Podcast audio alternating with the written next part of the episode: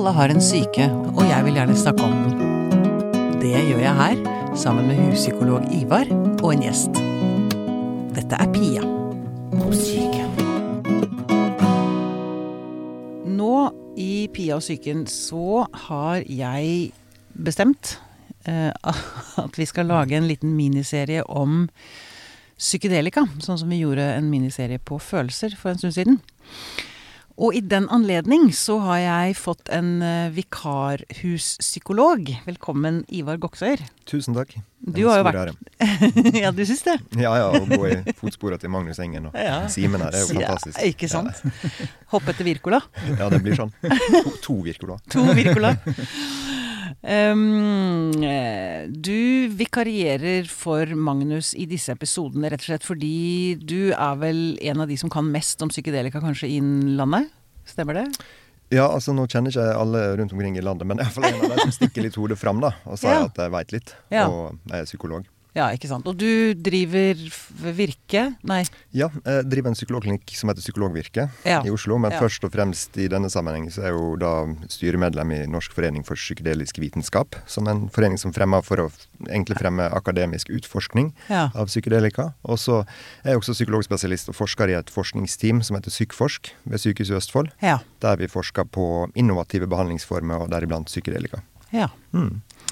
Spennende. Dette gleder jeg meg veldig til å høre, høre mer om. Men det er jo eh, Jeg tenker at det feltet der er litt skummelt. Ja. Det er en del frykt. Absolutt. Absolutt. I hvert fall i meg. Ja, det tror jeg det er flest. Altså dette med å skulle åpne sinnet, det er jo det psykedelika sånn eh, bokstavelig betyr. Altså sinnsåpnende eller sinnsåpenbarende. Ja.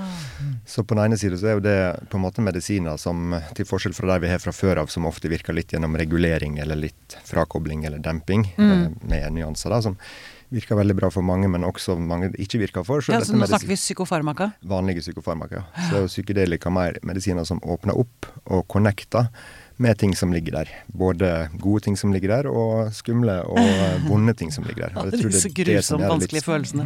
ja. ja. Veldig, veldig gøy. Uh, unnskyld at jeg avbrøt deg. Det ligger litt, jeg har fått litt kjeft for det, at jeg avbryter folk. det går bra. Og så, da, uh, må vi si velkommen til gjesten i denne første episoden, Lars Lien. Takk for det. Velkommen hit. Du er leder av Norsk psykiatrisk forening. Det stemmer. Så du representerer det offisielle psykiske Norge. Mm -hmm. Psykiatriske til Norge. Til verden. no pressure. no pressure. okay. må, vi må presentere deg litt ordentlig også. Um, du har vært leder i ca. et år mm, av foreningen. Stemmer. Mm. Og du er utdannet lege. Spesialisering i samfunnsmedisin og psykiatri. Ja. Hva er det som er ditt uh, hjertebarn, holdt jeg på å si, ditt nærmeste anliggende som Nei, det er vel egentlig mer sånn eh, kombinasjon av de to tingene. Da. Sånn samfunnspsykiatri. Jeg tenker ja. liksom sånn eh, eh, Psykiatriens rolle i samfunnet og samfunnets påvirkning eh, på den psykiske helsen. Ah, wow. og jeg, skal, jeg, kan avsløre for lytteren allerede nå at vi har snakket litt sammen før dette, det gjort, dette, denne samtalen. Og Lars blir invitert tilbake ganske snart for å snakke om noe helt annet. Noe helt annet. No, nemlig Namibia. Namibia, Og kanskje Sudan. kanskje Sudan. Det er en liten teaser for kommende. Ja. Ok. Mm. Da er alle presentert og har landa bra i studio. Mm. Så da tar vi fatt på denne psykedelikaen. Da begynner jeg hos deg, Lars. Hva er din holdning til psykedelika sånn i utgangspunktet? Mm. Ja, altså min holdning er åpen, mm -hmm. si det.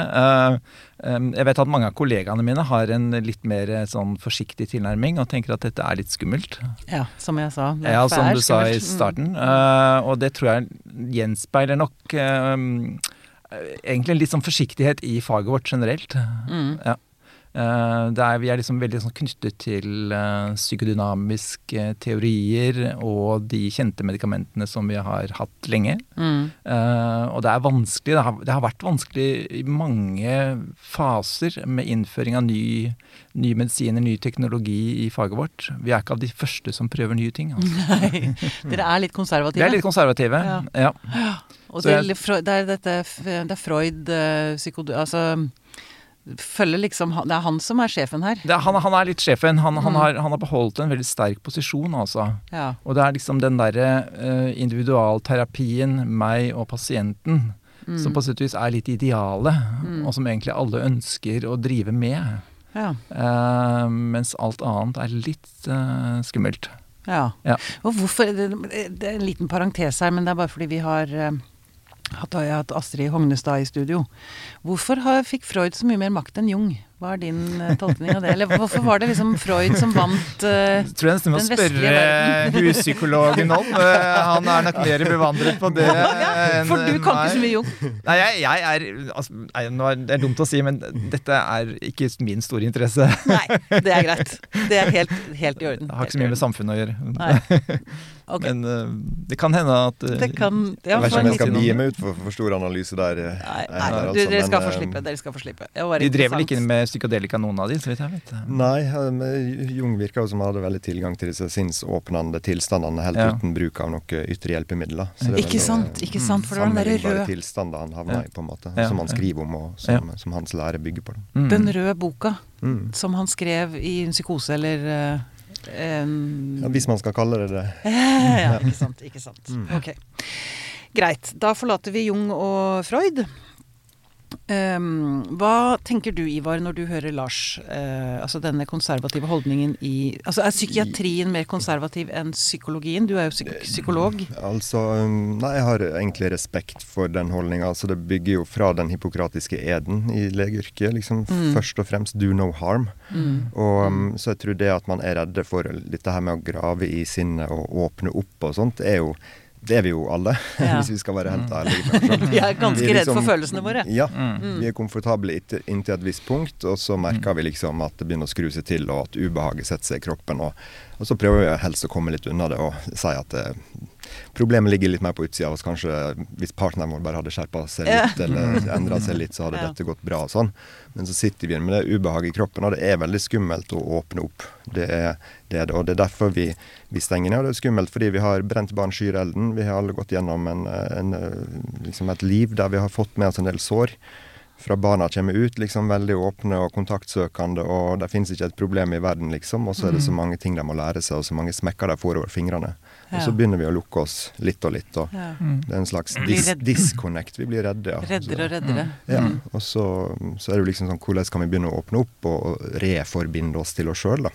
Og til hele spekteret vårt. Det er det, det er det, man gjør, liksom. Reforbinder til seg selv, ja. Jeg tror det, altså hvis man skal snakke litt sånn generelle vendinger. i ja. hvert fall. Mm. Ok, men når vi sier, da, da kan vi begynne å, å, bryte dette litt ned. Um, vi har psykedelika som ketamin, eh, eh, MDMA, mm -hmm. eh, og så er det eh, psilocybin. Mm -hmm. og ja, LSD. Mm. Er det også ja. Det går i samme gruppe, liksom. Går i samme ja. gruppe. Mm. Er det noe jeg har glemt da? de fire som er det viktigste? Ja. Ayahuasca. Ayahuasca, selvfølgelig. Ja. Det, er det, det, er den derre urbefolknings... Eh, det er Sør-Amerika? Sør det er riktig, ja. Det er sånn eh, et, et brygge av en uh, liane og blader fra en annen busk som, som, de fant på at de skulle koke sammen, og som gir sånne, sammen sånne psykoaktive virkninger. Da. Og det er jo I de kulturene så er det jo liksom brukt som legemiddel og sakrament for å komme i kontakt med det hinsidige ja, i årtusener. Med åndene. Mm. Jeg husker, Nå kom jeg plutselig på en film eh, som jeg så for lenge siden. Um, eh, Smaragdskogen eller et eller annet sånt noe. Ja, det husker jeg ikke. Glem det. Um, eh, hvor var jeg hen? Um, ayahuasca Jo, urbefolkning. Jo, det var det jeg skulle Nå vet jeg hva jeg skulle. Man kan lure på hvor mange mennesker som har gått med i denne søken på, etter sånne planter og sopper og Det er sånn Ja, jeg mm. spiser den soppen, jeg. Prøver det. Mm. Oi, der traff jeg Gud i en uke, liksom. Eller oi! Det var jeg og spøy det, er, det er ganske gøy å tenke sånn, på. Ja, det er. Soppsjeika, liksom. Ja, ja, ja. Sopp, ja. Sånn gikk foran og testa ut. Ja, ja, ja. Munnskjenk, ja. Ja, skjenk, ja. Ikke sjeik, men skjenk. Men. Men, men, det er jo også veldig sånn ulik, altså selv innenfor vår tradisjon. altså sånn, altså Vi hadde en studietur til uh, Nederland for, for, noen år siden. Mm. Uh, og dette å oppleve uh, disse her Ideene er jo coffeeshops, ikke sant, altså med, med hasj og ja, marihuana. Sånn. Men, men, du har også smartshop i Amsterdam, ikke sant, altså hvor du får veldig sånn god instruksjon om hva du skal gjøre. altså Du kjøper med deg uh, psykodelika. Mm. Det, du, du, får beskjed om at du skal gå turer til skogen, du skal sette deg på et nydelig sted. Du skal ja, altså, altså, Du får en bruksanvisning? Du får en bruksanvisning. Det, det skal være en god opplevelse. Uh, og dette er uh, et land som vi er ganske likt og ganske nært.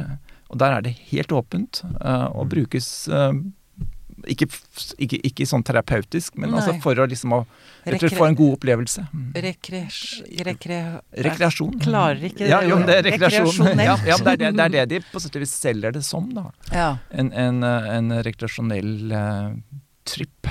Ja, ikke sant. Men det, cannabis inni dette, det er ikke psykedelika? Nei. Altså, cannabis er jo i utgangspunktet dempende stoff. Ja. Uh, uh, men det er klart at det, det, vi vet jo at det også kan gi uh, altså Det er jo et av de stoffene som kan gi psykose. Ja. og psykoseinduserende på lik, på lik, linje med amfetamin. Ja, ikke sant. Fordi det er jo noe jeg har fått med meg, jeg som ja. bipolar. Mm. Altså som har en psykoselidelse. Ja. Så, bipolar og schizofren, vel, mm. Mm. Som, har, som, er de to store psykose... Nei, jo. jo. det har jeg sett at vi er ekskludert fra alle disse studiene. Ja. Mm.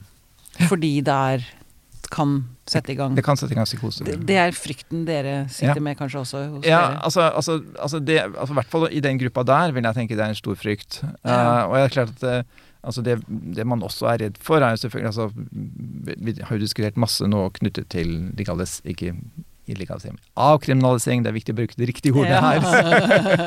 Eh, når det gjelder cannabis. Eh, og det er klart at uh, vi ser jo at at jo høyere forbruket er, jo større er selvfølgelig andelen som også utvikler psykose. Samtidig så er det liksom, igjen viktig da å påpeke at dette er et relativt marginalisert fenomen. Det er kanskje 1% av befolkningen som får psykose, og det er ca. 2% av de som bruker cannabis som får psykose.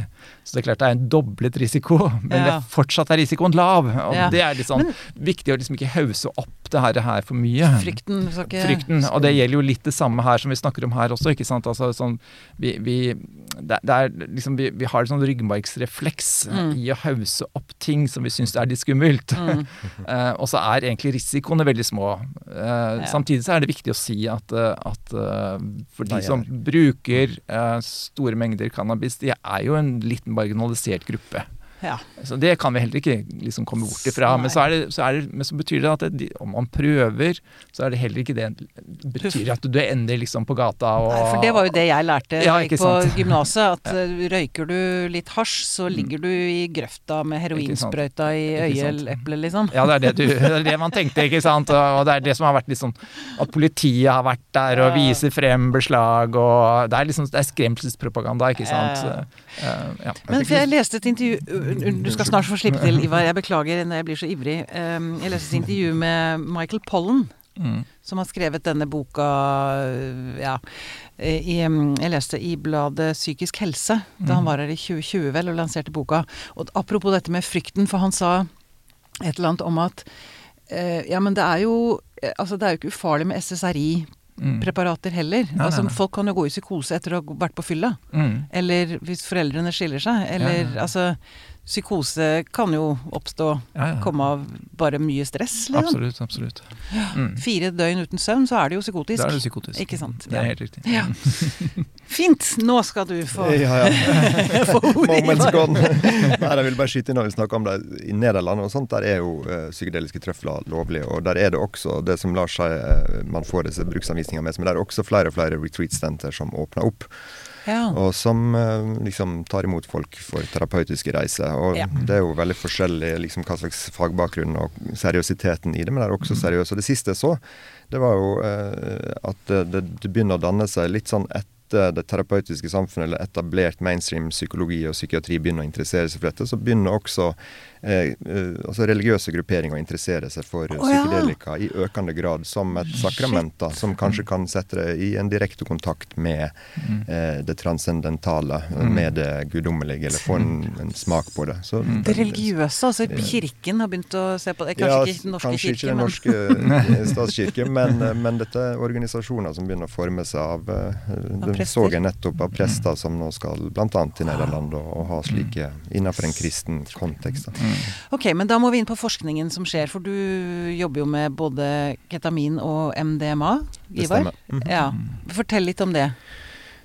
Jo, altså ketamin er jo et lovlig legemiddel fra før av, et anestesimiddel. Så eh, det er jo noe vi kan begynne å bruke. og Det har etablert seg nå en praksis over mange år i USA, som også kom til Norge, der vi også behandla depresjon. Uh, akutt uh, susrealitet og depresjon med ketamin. Ja. Så der er, det er liksom rulla ut nå i vanlig klinisk praksis eh, på Sykehuset Østfold. et tilbud som eh, det kommer veldig mye pasienter fra hele landet som ikke får hjelp fra andre behandlinger. Og Der ser vi at det hjelper for i alle fall en undergruppe av disse. At det setter i gang noen nye prosesser. da. Akkurat som at man kommer inn på et litt nytt spor. Men det ja. som er med ketamin, er at det har veldig sånn markante antidepressive eh, farmakologiske egenskaper, sånn, eh, som varer ei uke eller eh, litt lengre. Ja. Eh, Men fant, fant, man ikke ut dette ved en slump? Den historien til ketamin den kjenner ikke jeg så Nei, godt. Okay, det, det siste jeg hørte, var bare at man har oppdaga ketamin nå i en sopp. Naturlig forekommende. Og det er jo et syntetisk middel, så det var veldig oh, interessant. Mm. Men hvordan foregår en ketaminbehandling? Ja, det er litt som eh, med psykedelisk behandling for øvrig, at man legger til rette for en indre reise. Mm. Eh, så man ligger med, med bind for øynene og musikk på øret og får medisinen, og da kommer du inn i en endra bevissthetstilstand. Og Eh, I, I, hvor lenge da? I en times tid, ja. eh, cirka. da. Og de, til forskjell fra disse andre legemidlene som bare har rene farmakologiske egenskaper i større grad, så, så er dette middel som setter gir et nytt perspektiv på ting. Og det kan av og til være veldig nyttig i en sånn helingsprosess. Ja. Eh, der du kan få et nytt syn på deg sjøl, et større perspektiv. Er det skummelt? Altså er det, det, hvis det er psykedelisk, så tenker jeg oi, shit, da Det kan være veldig skummelt. Det kan være veldig skummelt så, og dette er jo også midt i kjernen av hvorfor liksom må man behandle disse tingene med respekt. og at det er klart På 60-tallet, og vår holdning til psykedelika i dag er jo i stor grad forma av det som skjedde. Kanskje mm. tidenes mest spektakulære generasjonskollisjon i USA på 60-tallet. Ja. Så det, det, er litt viktig at altså, vi er jo, Vår kultur er jo på en måte den historiske anomalien, eller unntaket fra regelen. fordi til alle tider så har kulturer verden over funnet en plass men det har vært til rituell bruk av psykedelika. Mm. Mens her ble det mer enn sånn det fløyt helt ut. Man mista den rituelle rammen. Ja, eh, og, og da snakker vi dette, Flower Power uh, um, Hva het festivalen? Nå står det ja. helt stille. Uh, Woodstock. Woodstock, takk.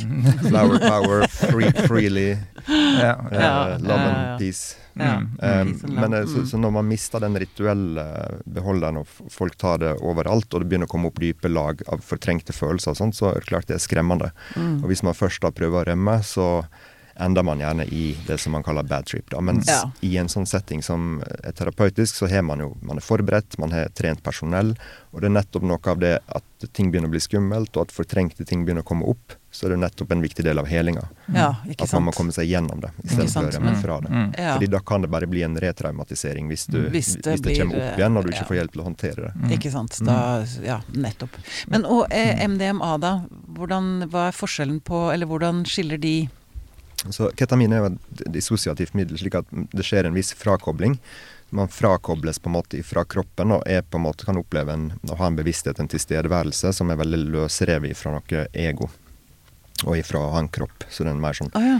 pure consciousness. Eh, mens MDMA er mer sånn, det kaller man en hjerteåpner. Så, så der, der kommer man veldig, veldig nærme seg sjøl. Så at man, man, går veldig dypt inn, inn i sin egen personlige historie og kan fordi MDMA er noe som gjør kroppen veldig trygg. Og når kroppen er trygg, så slipper vi på en måte å prøve å blokkere og spenne oss og overkontrollere. Altså man slipper ja. å, å, forsvare seg. Ja, for det, eh, det, kalles et empatikon Nei, hva heter det? Empatifremmende, ja, eh, eller? Empatogen. Eh, empatogen, var det. Det gir økt empati og, og, medfølelse og sånt. Og så mm. kalles det også en entaktogen, som betyr fremskaffer berøring innenfra. Entaktogen, for et sånn, nydelig ord. Man berører seg sjøl på en dyp måte. da. Igjen så vil jeg si med en gang, og det er alltid en pedagogisk utfordring, at uh, det her er heller, heller ikke MDMA. Virkninga blir ikke til kun som et resultat av å ta dette stoffet. Det er en Nei. kombinasjon av hva innstilling du har, hva mål du har, hva forberedelser du har gjort, Ja. hva er settingen du tar det i, og, og hvor mye får du hjelp i etterkant til å make sense. Men for MDMA, det finnes i ecstasy. Ja, Det, er det er, det er, og ecstasy har vi, det er så skummelt, skumle greier. Det er skumle greier. Ja, i hvert fall. Men igjen, dette igjen da, hvis du tar det på byen, og du har drukket ja, Ja. Og ikke helt vet hva du tar. og ikke helt vet hva du tar, og ja, ikke sant. For Mm. da kan det virkelig bli skummel, Mm. Eh, Mm. Ja.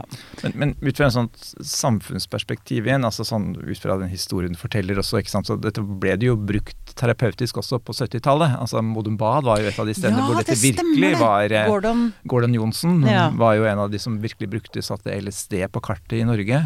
Uh, men det, det, klart altså, det var jo et eller annet med at det, det ble jo altså, sånn, I seinere tid har man jo sett at dette ikke var bra. Fordi det hvorfor ikke, det? Nei, Litt fordi det ikke var gjort for en forskningsmessig kontekst. Mm. Eh, Det var gjort litt sånn eh, altså, Som har vært litt sånn historien til psykiatrien. Eh, Alle skal få den samme behandlingen uten å tenke gjennom hvem det er bra for og hvem det ikke er bra for. Mm. Når noe virker på, én en eller to pasienter, så tror vi det virker på alle. Uh, slik at det ble et stort problem, egentlig, rett og slett. Og derfor så har, kom det også i, i diskreditt. Eh, og, og, og derfor er det egentlig spennende at det nå kommer tilbake igjen. ikke sant? Ja. Men jeg tror også for de som da øh, levde på den tiden, eller har den historien med seg, øh, så vil igjen dette her være litt sånn skummelt. Ikke sant? Nå åpner vi opp igjen for, for litt det samme tullet, da, eller samme vrølet som vi gjorde tidligere. Ja, men sant? skjedde det farlige ting ute på Modum Bad med, under han Gordon? Det gjorde det. altså Det var det er klart at det var pasienter her også som, som ikke burde hatt det. Eller som ikke ble fulgt opp på en god nok måte. Ja. Eh, Så det har, jo, det har jo vært en oppvask på Modum Bad knyttet til denne litt ukritiske bruken av Ja, ikke sant.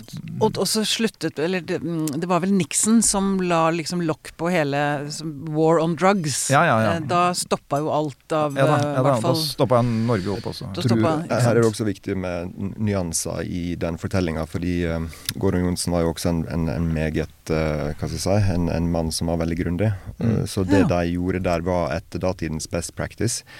Og um, jeg har sett eh, eh, intervjuklipp fra ansatte som jobber der, som virkelig mener at det de gjorde der, det var til det var, I sum var det en veldig positiv ting. Mm. Um, og um, at det var mange som fikk god hjelp av det. Uh, Mens der er disse unntakene. Mm. Og disse unntakene, uh, de som ikke burde hatt det, Mm. eller som ikke får god nok oppfølging, de får også veldig mye oppmerksomhet. Ja. Så det man ser, det er at Ja, uh, på sant. 60-tallet, 50-60-tallet, da når det var mye forskning, så har man noen undersøkelser, ikke veldig god kvalitet på det, fordi det er liksom spørreundersøkelser som man ga til de som holdt på med det, og lav svarprosent. Men likevel de som svarte, når man sammenligner tallene på f.eks. psykotiske reaksjoner, selvmord osv., innleggelser i den gruppa som fikk LSD, og de gruppa som fikk annen tradisjonell behandling, så er ikke det forskjeller eh, på gruppenivå. Nei. Men for individen altså, Det er jo det. Det er hele tida det. Så det er veldig viktig å snakke om, om den risikoen i veldig relativt perspektiv. Og så er det en, en veldig viktig ting, og det er at det var ikke et folkehelserasjonale til at det forbudet mot psykedelika kom. Det var ikke et Nei, det var ikke fordi at nå ser vi at dette er veldig farlig for samfunnet, og det skjer veldig mye galt. Ah, nei. Man hadde ikke noen sånne tall, og, og det var altså det er mer, det bedre å kalle det altså med sitt rette ord en krig, som Nixon erklærte Ja, mot noe han så på som en trussel. Eh, Fordi det, er noe med sannheten som er etablert her. For det er jo Altså, SSRI Mm. kan jo også være selvmordsinduserende. ja, særlig hos unge. Særlig hos unge, ja. Ja. Både når man begynner, begynner å ta det, og slutter å ta Ja, det. så- altså det har Ja. vært store forskningsresultater som tyder på at uh, SSRI, særlig hos, hos, ungdom, uh, kan være selvmordsinduserende. I mindre grad vil jeg tenke at det er det hos voksne, men, men, men, uh, men særlig hos ungdom. Og, og, og sånn sett så er det jo litt rart at bruken av SSRI i ungdomsgruppen den er bare dramatisk økt. Den har økt. Og, Ja, ja. og det, her er det igjen bildet vi sitter igjen med, da. Altså, hva Ja. er det som er sant, Ja da, ja da. egentlig? Ja. Setter man, tar man LSD på den ene siden og SSRI på den andre? Ja da. Og så kunne du jo ta med alkoholen i tillegg, da. Og ta med alkoholen, ikke sant? Så har du jo liksom egentlig samfunnsperspektivet på det. Ja. Eh, for det er klart at det er ikke noe, det er ikke noe sånn virkestoff som er farligere enn alkohol. Mm. Uh, altså det er for så vidt eh, opplest og vedtatt etter hvert. eh, og- Ja, for det, det er den derre LD50 Nei, lethal dose, hva er det for noe igjen? Det leste jeg noe om. Eh, ja, hvis du drikker 16 Nei, du, for å dø 50% Nei. Ivar, du må ta det. Jo, hvor mye, hvor mye du må gange en terapeutisk dose før du får en dødelig dose av et Ja. legemiddel. Er ikke det da, Lars? Jo, det er vel det. Ja. Ja, jo, jeg tror det, men jeg, for jeg så noen sånn tabell fra. Johns Hopkins eller eh, en av disse andre store institusjonene ute i verden som driver og forsker på dette. Eh, for dødelig dose eh, alkohol er kanskje en liter eller noe sånt noe. Ja, altså den er jo ikke så veldig altså, altså, ikke- Hvis du drikker liksom veldig tett Mm. over kort tid, Mm. så er det absolutt altså, Vi får jo stadig inn intoksikasjoner Mm. knyttet til alkohol Ikke eh, hos unge, særlig unge mennesker. Så er unge men, Men så er det den toleransen du utvikler ikke sant, eh, hos noen som gjør at du kan drikke egentlig ganske sånn formidabelt Mm. uten at du egentlig får noe problemer med det. Ja. Men egentlig poenget mitt da, eller var ehm, altså LD, lethal dose for MDMA, er eh, Altså det, det er noe med forholdet her, da. Og sopp Mm. var veldig, veldig, veldig Mm. Det forteller noe om 16 liksom, hvor små marginer der er. liksom. Ja da, ja da. Hvor, hvor lite du skal feildosere før det kan bli farlig. da. Ja. Og da, der, akkurat på klassisk psykedelika så er det veldig vanskelig å skulle overdosere. da. Men der er, risikoene der er først og fremst knytta til de psykologiske, på en måte, at man havner i en forvirringstilstand. og, og sånt, Ja. da. Men Mm. Relativt sett så er det sammenlignbart med mange andre aktiviteter som vi, vi har akse- Mm. Akseptert. Mm. Ikke sant. Men, men, men vi går litt tilbake til historien. for jeg tenker mm, Det vi drar med oss av historien, er også noe som vi opplever i dag. ikke sant? Fordi at jeg tror noe av det som også er knyttet til en mer sånn samfunnsmessig redsel mot det vi holder på med, eller det dere holder på med i Østfold, og, og den utviklingen her, er jo selvfølgelig at det, at da blir det på sett og vis igjen akkurat som med cannabis. ikke sant? Altså Vi bruker det medisinsk, og du får et stempel på seg. ikke sant? Altså Nå bruker vi ketamin medisinsk, eh, eh, men da medisinsk. ikke sant? Altså Det får et sånn herre trygghetsstempel. Ja. Eh, og det er jo også noe som kan for mange oppleves veldig truende. Eh, og, og dette har jo vi sett sånn veldig tydelig også i den debatten om, om avkriminalisering av cannabis. ikke sant? Altså Det er en sånn helt tydelig eh, leir som er veldig opptatt av at det, er den redselen for at noe skal liksom bli legalt. Mm. Eh, vi hadde jo samme diskusjon egentlig når vi hadde altså, rene sprøyter til heroinmisbrukere. Det begynte Ja. jo egentlig der, ikke sant? Altså, ja. Som vi nå eh, er liksom med kvinnelige prester. Altså, sånn, altså Nå er det helt ålreit. Nå, Nå, ja. nå skjønner vi at det er veldig viktig med harm reduction-tiltak. Veldig viktig med metadon når det kom. Men det er utrolig motstand i visse grupper fordi at det på sett og vis da sier at liksom hvorfor skal man ha dop på statens regning? ikke sant? Ja, nettopp. ja. Men da- må jeg spørre også heroin. Mm. Eh, Er det, det er opium, opiater. Altså, hvordan, de, hvordan skiller det seg fra psykedelika? Det er også sederende, ikke sant, i utgangspunktet. Sederende, altså bedøvende? Eller, ja, ja. Du liksom egentlig uh, reduserer uh, stemninger, men, men kan jo også gi en veldig betydelig eufori. Ja. Ja. Men for Så- det er er jo- veldig avhengighets... Uh... Det er veldig avhengighetsskapende. For det er ikke psykedelika, det var egentlig dit jeg Nei, skulle det er det nå, og det er litt vidt. viktig, fordi man, Mm. tradisjonelt så tenker man på rus som en type flukt. At man tar et middel som bringer deg til et eller annet sted som er fint, på en måte, Men psykedelika er jo litt sånn motsatt. Det er mer en konfrontasjon med det indre livet ditt. Ja, Ikke sant? Så, så du har ingen garantier for opplevelsen. møte. Du møter deg sjøl i døra. Ja. Så det er jo liksom, og, og det er også derfor man bruker jo psykedelika også for behandling av annen type avhengighet. Mot nikotin, mot alkohol og mot uh, opioidavhengighet. ja, det også forskes det på. Mm. Mm. Over, ja. Mm. ja. Men også må vi da snakke om uh, soppen. Magic mushrooms, uh, psilocybin. Mm. Nå har vi vært innom ketamin. Vi må bare touche innom alle. Mm. Uh, ketamin, MDMA og så psilocybin. Ja, så psilocybin det, det hører jo til den klassen av det vi kaller klassiske psykedelika, på en måte, som Mm. er beslekta med LSD, som er virkestoff i fleinsopp, men det finnes 220 eller noe sånt, over 200 arter i hvert fall, av, av den type sopp rundt omkring i verden. Ja. Um, og det er mer en sånn, det kaller man jo sånn bevissthetsutvidende uh, middel, da. Mm. Så mens MDMA er hjerteåpneren, på en måte, så er dette mer sånn sinnsåpneren, som liksom gir deg et veldig stort perspektiv på ting. Så, mm, så det, der er det jo litt sånn at man kan snakke om det på forskjellige måter. Én måte er å si at man ser i hjernen, så, så er det det er noen vanlige veier man bruker veldig mye i hjernen. Mm. altså man, man, Ulike deler av hjernen snakker med hverandre. Vi har noen spor som vi tråkker i hver dag, som vi kjenner til. Også Som vi har utvikla siden vi var små. Riktig. Dypere og dypere spor. Litt sånn, og Mm. Man kan bli litt lei av seg sjøl innimellom. Aldri opplevd. i det. Mens eh, her, når man tar eh, den type klassisk psykedelika, så går disse standardnettverkene i hjernen litt i oppløsning, og så dannes det veldig mange nye kryssforbindelser, slik at ulike deler av hjernen snakker med hverandre. Ikke sant. For jeg har sett nemlig en helt utrolig bra dokumentar på SVT, uh, 'Vitenskapens verd'. Mm. Som, jeg husker ikke hva den heter, men uh, 'Magisk svamp' eller et eller annet sånt noe. Den anbefales der. Der Mm. er det Husker jeg ikke hvilken institusjon de var på, men det spiller ingen rolle. Mm. Det er bare eh, bra. Men, men det er jo noe av det samme som skjer uh, også hvis du bruker f.eks. ECT, altså elektrokonvulsiv terapi. ikke Ja. sant? Da får du også en sånn Vi vet jo egentlig ikke hva som skjer der, men vi tror at det er noen endring av, av baner i hjernen ikke sant? Som, Ja. som, som, som påvirker hvordan vi da ser på virkeligheten på en ny måte. Men det er det som ble så skremmende fremstilt i Gjøkeredet. Ja, stemmer. Ja. Og eh, Jack Nicholson Jack eh, Nicholson, ja, helt klart. til slutt Ja, ja, ja, ja. Ble Ja, da. og, det, og det var jo liksom Da viste du det uten bruk av anestesi, ikke sant, med Mm. høye doser. Mm. altså Nå har vi jo fått en helt annen tilnærming til det. Mm. Uh, og, og nå bruker vi også mer sånn skånsomme motor, altså, altså sånn type transkutan nervestimulering som kan gjøres uten anestesi, og som gjøres på en veldig veldig ålreit måte. Eh, igjen så er det noe som tas veldig seint i bruk i Norge. uh, som, som jeg tenker også kan ha veldig god effekt på, på depresjoner. Ja. Mm. Mm. Um, ja. Um, nå er det jo så nå, nå sitter jeg med 100 spørsmål i hodet. Så spørsmålet er hvordan, hvilket, hvilket av dem skal jeg stille? Så da legger jeg ballen over til Ivar. Hva har du lyst til å svare på?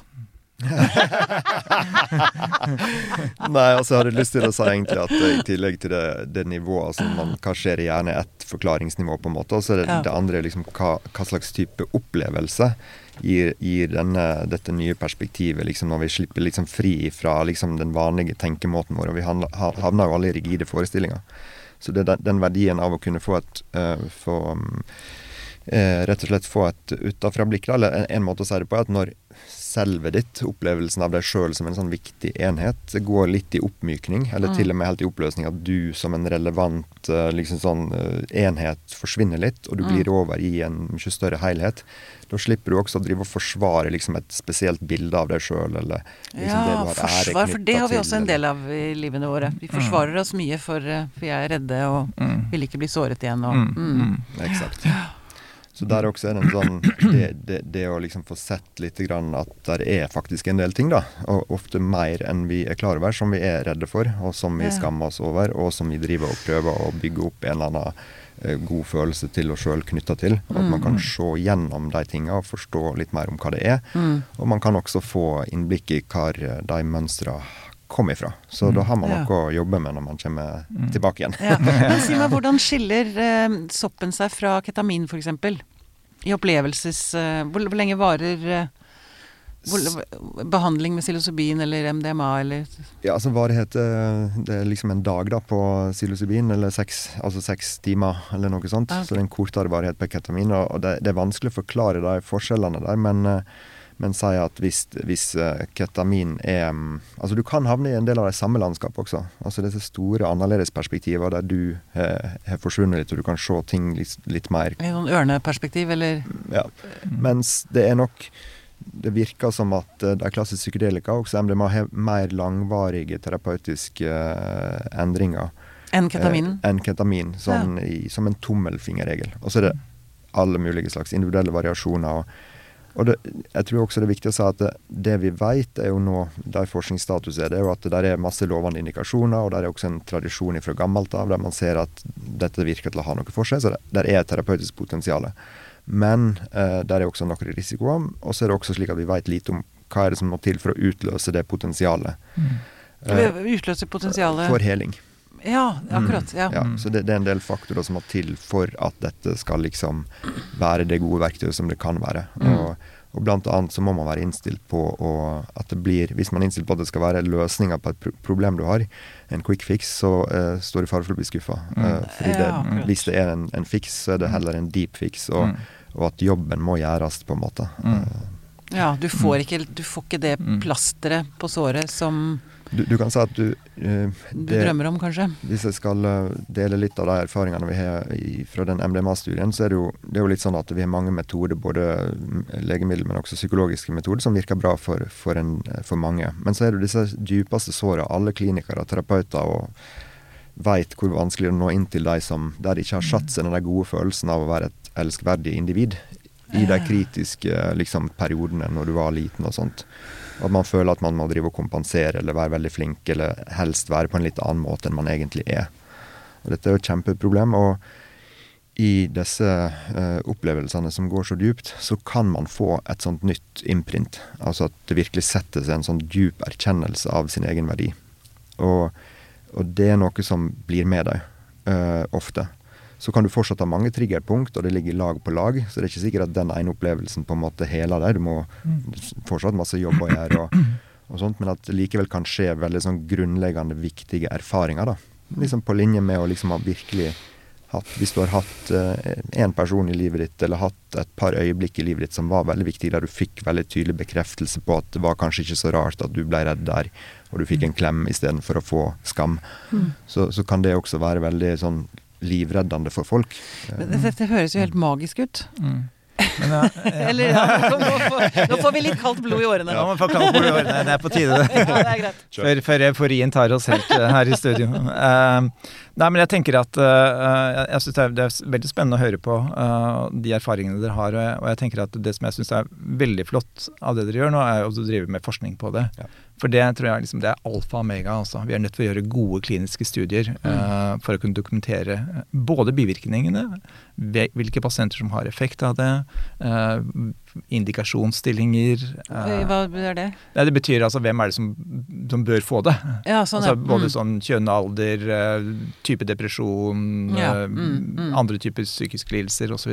Mm. Men jeg tenker at det som jeg altså Det som jeg tror er liksom litt sånn utgangspunktet når jeg diskuterer det her, eller tar det opp, det er jo det at, at med dagens terapiformer så er det kanskje en 55-60% maks som blir bra. Særlig av de dype depresjonene, eller de mest alvorlige depresjonene. 55-60 ja. blir bra? Ja. Mm, av, hva, av, av, av, av, det vi har av arsenalet i dag. Altså av, ja. av terapier. Altså masse ulike psykodynamiske terapier. Å oh, ja, sånn ja. Nå snakker vi utenom psykedelika, ja, ja, liksom? nå snakker vi utenom psykedelika. Fordi at vi vet jo egentlig ikke altså sånn, Foreløpig er jo forskningen mye mer sånn knyttet til at vi, at vi ser at dette kan ha klinisk effekt. Mm. Altså ikke, Vi har jo ikke gjort noen store befolknings... Eller store studier eh, på psykodelika foreløpig foreløpig. Ikke i Norge, men det er jo gjort. Det, er gjort, det, på, det, det, holdes på, og det er allerede gjort en del metaanalyser.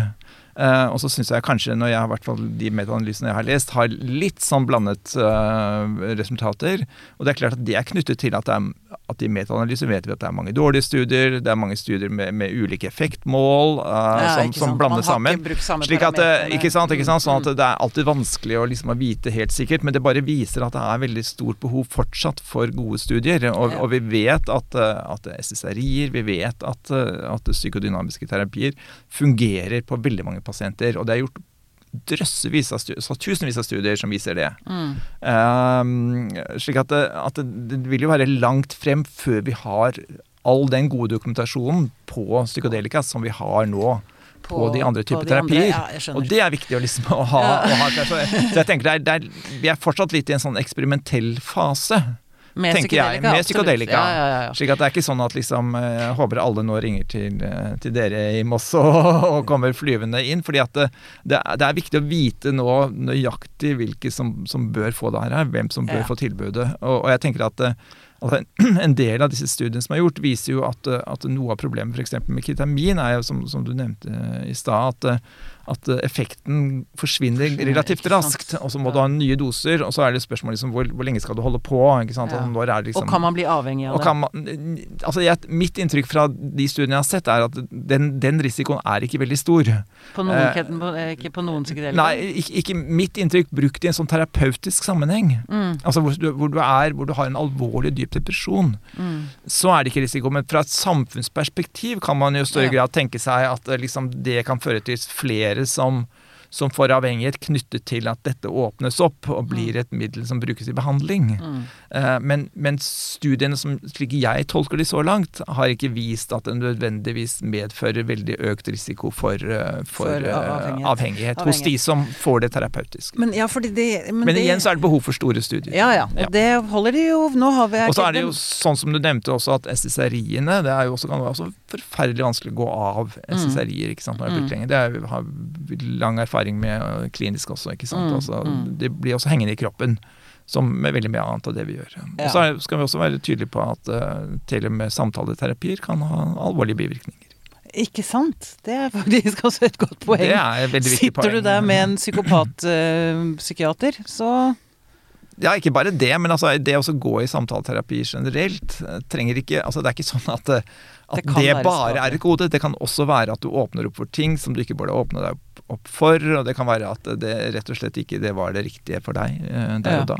Ja, det, og, og, det tenker jeg liksom, Det er en, det er en sånn, sånn, tro på at uh, samtaleterapi er godt uansett. Ja, Det er den der skadelige samtaler. Var det Jørgen Flor som skrev den? Ja, han skrev det. Ikke sant? Ja. Mm. Og det, tror jeg det er viktig å liksom ha med seg de dimensjonene der. Alt er farlig, altså. egentlig. Det er ganske farlig å leve. Er det, er det farlig å leve.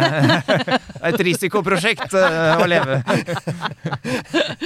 ja, dødelig utgang til og med. er det noe med det? det slipper ikke unna den, gitt. Nei, vi slipper ikke unna det. Men vi er jo work in progress siden vi fortsatt sitter her. Mm så holder vi på og vi prøver å finne ut av både det ene og det andre. Fått på oss klærne i dag også. Eh, ikke sant. Mm. Men um, eh, PTSD vet jeg det er veldig også gode resultater som varer lenge. Så vidt jeg har skjønt. Ja, altså, eh, det er jeg helt enig med det Lars sier her. og Forskning har kommet lengst på MDMA, der man har en ferdig fase tre-studie. og Fase tre er den siste fasen før legemiddelgodkjenning. Så det amerikanske legemiddelverket har sagt at man trenger én til sånn studie. Eh, ja, før vi vil ta imot søknaden. Ja, det, og den er de godt i gang med nå. så uh, I USA er det nok bare et par år til MDMA blir et lovlig legemiddel uh, i en terapeutisk kontekst. da. Dette blir jo gitt på klinikker. Det er ikke sånn man får resept på du får, og tar hjemme. Du får ikke fastlegen og får. Hvis resultater fra tidligere fase og fra den mm. opp, blir opprettholdt. da. Også nå, vi, vi, skal være med på en europeisk sånn fase tre, siste fasestudie, som begynner nå i vinter en gang. Så i Europa ligger man et par år etter det igjen, da. Ja. Men på ketamin har vi kommet litt lengre. Altså hvor, ja, vi ketamin, har, ja. hvor, vi også har, den nesesprayen, som jo er også godkjent i Norge som, eh, som behandling. Hva er det for noe? Esketamin, som, som er et, eh, altså, et stoff som er en del av ketamin. Ehm, eh, som da har Som du kan ta som en nesespray. Mm. Eh, men nå har det vel vist seg da at eh, effekten av den ikke er så veldig god. eller i hvert fall dårligere enn ketamin gitt på andre måter. Mm. Slik at, at, det har vel egentlig kommet litt i diskreditt, den nesesprayen, så langt jeg har klart å se.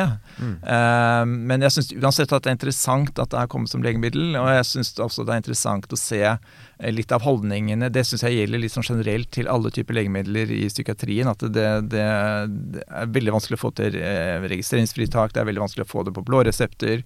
Altså den nesesprayen koster 5000 kroner per uh, injeksjon. Okay. Uh, slik at det er, det er, et eller annet med liksom sånn her Det, det gjøres veldig vanskelig veldig ofte. Uh, nye ting som utvikles i, der, i vårt fagfelt. Der er det også et problem, ikke sant? at der er ikke insentiv patentmessig for å samle forskninga på ketamin ketamin, vanlig ketamin, der patentrettighetene er gått ut. Ja. Ah. Og så kommer man opp med sånne Man prøver å lage en liten tweak på molekylet for mm. å kunne tjene penger, og så viser at det funker ikke like bra. De priser seg dyrt. Så, og det er også en viktig ja, Men det er veldig fint at legemiddelindustrien ikke klarer å sko seg på dette? Eh, ja, det kunne man si, men samtidig så er det mm. slik at da mangler du noen som har det, den motivasjonen for å sette seg ned og, og, forske og samle trådene og ha en strategisk forskning som kan lede fram mot legemiddelgodkjenning. Og dette er faktisk en, en veldig underkommunisert grunn til til at LSD ikke ble et godkjent legemiddel allerede på 60-tallet.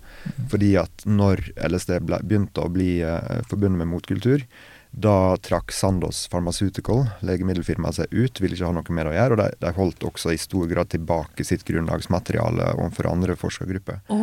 Når du ikke lenger har en sponsor som eh, finansierer, setter realistiske mål, koordinerer mm. forskninga, så er det veldig veldig krevende å, å bringe medisin til legemiddelmarkedet. Mm. Akkurat.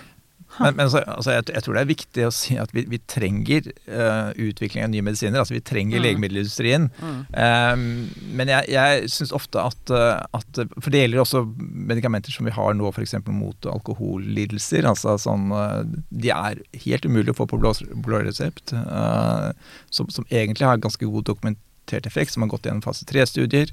Men det er veldig vanskelig å få legemidler som på sett og vis altså godkjent på blåreseptordningen i Norge, uh, hvis ikke det er til uh, blodtrykksmedisin eller mm. kolesterol eller uh, mm. alt annet som, som høres litt mer sånn tilforlatelig ut.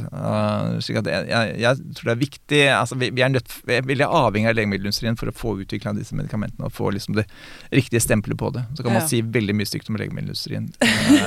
men det er, det er mye, mye, mye, mye, bra med det også. Altså, det er veldig viktig å få Det er et godt poeng. Det har jeg ikke tenkt på.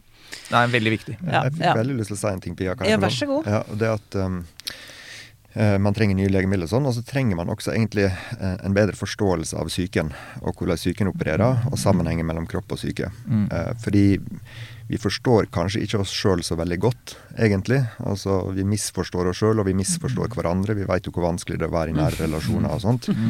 Um, og dette drar vi også med oss inn som behandlere. Når vi ikke forstår oss sjøl og de nærmeste rundt oss veldig godt, så er det vanskelig å forstå Det kan være lettere å forstå noen på avstand, men mm. dette prinsippet om at vi, vi, vi forstår liksom ikke helt hva som fører til hva i psyken. Og det å ha medisiner som begynner å åpne opp, som man litt mer sånn teoriløst kan se Her får du noe som åpner psyken din, så ser vi hva du finner ut. Og så kan du fortelle liksom hva, hva var det du lærte. Og så kan man se, kanskje har det overføringsverdi. Kanskje kan man få en, en, en større dybdeforståelse forståelse for hvordan vi egentlig fungerer. Og hvis det er sant, så vil vi også kunne bruke den kunnskapen inn i andre behandlingsformer. Og det, det er jo noe som jeg føler at jeg allerede har har litt erfaring med. altså Folk noen oppsøker jo meg uh, i, i, min privatpraksis fordi at uh, de ser at jeg har den erfaringa på Sykehuset Østfold. Og, og da sier jeg at dessverre der er nåløyet veldig trangt, det er vanskelig å komme, komme med i noen mm. studier. Men vi mm. kan jo prøve å jobbe litt sånn etter de prinsippene da, ja. som disse psykedelika iallfall hittil har lært meg. Og det er jo at um, der er veldig sterke selvhelende krefter i oss. Altså at kroppen For meg virker det som dette er alt tentativt, og jeg kan ikke ha hard evidence på det, mm. men bare sånn litt kliniske erfaringer. Det at eh, altså det er ikke legen eh, leger ikke et sår. Det, det er kroppen sjøl som leger såret sitt. Men legen kan eh, fjerne noen hindringer og tilrettelegge for noen betingelser. Såret, eller, ja. mm. Og sånn ser det ut som at psyken altså Nå snakker vi om psykiske lidelser, veldig mange forskjellige ting. Men mm. størstedelen er jo på en måte, kan man si, burde kanskje man definere som innenfor et normal, normalspektra. Mm. Reaksjoner på unormale belastninger. Mm. Og så har du også andre tilstander som, som har en annen type årsaksfaktor, og, og, det, og det er komplekst. Men at organismene våre som har utvikla seg gjennom så mange eh, millioner år egentlig, fram til der vi er i dag, de har veldig mye ressurser med seg. Mm. Uh, og de når, når, vi slutter på en måte å hele kropp og sinn, og, og slipper kropp og sinn til, så mm. ser det ut som at det settes i gang spontane helingsprogram gjennom kroppen, altså bottom ja. up. Så vi, Det er vanskelig å tenke seg til alt, men når vi liksom får stille oss sjøl litt på sidelinja og føle oss trygge i kroppen, og ikke føle at vi må inn og løse et problem, så dukker ting opp så intuitivt. Kroppen, det er, det, det, er, det er der Kroppen er jo et fantastisk instrument. Mm -hmm. Vi har jo verdens mest fantastiske instrument, mm. -hmm. som evner å, å mm. Mm. Det er jo et veldig fint bilde. Ja, det er veldig, veldig spennende. Og jeg tenker også altså den der veldig skillet vi har skapt mellom kropp og sjel, eller mm. kropp og sinn, mm. uh, tenker jeg er veldig skadelig. og jeg, jeg, fordi i hvert fall kjenner vi jo til liksom både angst, depresjoner. Det er veldig kroppslige, kroppslige eh, sykdommer. Mm. Eh, altså Veldig mye av de første symptomene på depresjon er jo knyttet til energifattighet. ikke sant? Eh, eh panikklidelse er billig knyttet til hjertet, sympatiske der, klump i magen, ikke sant? Mm. hele den pakka der nå. Der, og det å lære seg å tolke alle disse her symptomene og forstå mm. de i en mer sånn sinnsaspekt uh, mm. er jo kjempeviktig. Og jeg mm. tenker at det er noe som, som jeg tenker at, uh, at, det er viktig å lære folk. Ja. Å forstå liksom disse sammenhengene som er mellom de kroppslige symptomene og, og psykiske plager. Og så er det viktig å forstå at det, at det er et kontinuum. ikke sant? Altså, det er liksom ikke sånn enten, veldig sjelden et enten-eller. Altså, vi lever allerede, vi lever allerede vel, Alle sammen lever litt sånn på, på topp og bunn, uh, mer eller mindre. Ikke sant. Ja. Jeg tror rett og slett at vi lar det være siste ord. Vi skal jo ha flere episoder, eh, Ivar. Mm -hmm. Det gleder jeg meg til. Ja, jeg òg. Hvordan, hvordan syns du det gikk? Første, så, første jeg debuten som Bortsett fra at du avbrøt meg i stad. jeg syns dette var en veldig fin samtale. Jeg er veldig glad for at vi har den. Fordi eh, jeg syns det er viktig at vi må nærme oss dette feltet på en måte og få ned litt av den irrasjonelle frykten. Ja. Vi skal beholde respekten på en måte, for mm. at dette er ikke liksom noen medisiner vi bare kan gi, og så skal det være en quick fix og sånn. Mm. Men, men, men, å kunne nærme oss dette med respekt, men heller ikke med irrasjonell frykt. Mm. Og at til sjuende og sist er dette empiriske spørsmål. Altså vi må finne ut av disse tingene sikrere. Og der, så få en avklaring. Ja. Så jeg tenker åpningen eh, fra deg, Lars, eh, at du er åpen. Jeg er åpen, veldig åpen for Det er en veldig bra holdning. Det, det, handler om at vi trenger nye mm. tiltak, eller nye behandlingsformer, mm, mm. fordi det er mange som ikke får den behandlingen de trenger. Men så ja. tenker jeg at det er også viktig å si at det utvikles også masse andre nye spennende former. Altså uh, virtual reality brukt ja. i, i, behandling, altså f.eks. på PTSD, kommer så det fyker nå etter hvert. Uh, så det er, det, er liksom, det, er, det er, mye som skjer, men vi har behov for alle nye ting for å, liksom, å teste det ut og finne Fordi at eh, pasientene våre lider. Mm. Eh, det kommer flere og flere som får psykiske plager, mm. og vi trenger nye måter å behandle på. Mm. mm. Det skjer bra ting, og nå skal vi ta ett skritt av gangen. Jepp. Nydelig. Og forhåpentligvis så kan vi begynne å gjenopprette tilliten til våre egne sinn. Ja. Mm. det er dit vi vil. Godt poeng. Lars Lien, tusen takk for at du var gjest. Det var veldig, eh, veldig fint å få kartlagt dette området, eller dette feltet med deg i studio. Mm. Mm. Takk for at jeg fikk lov til å komme.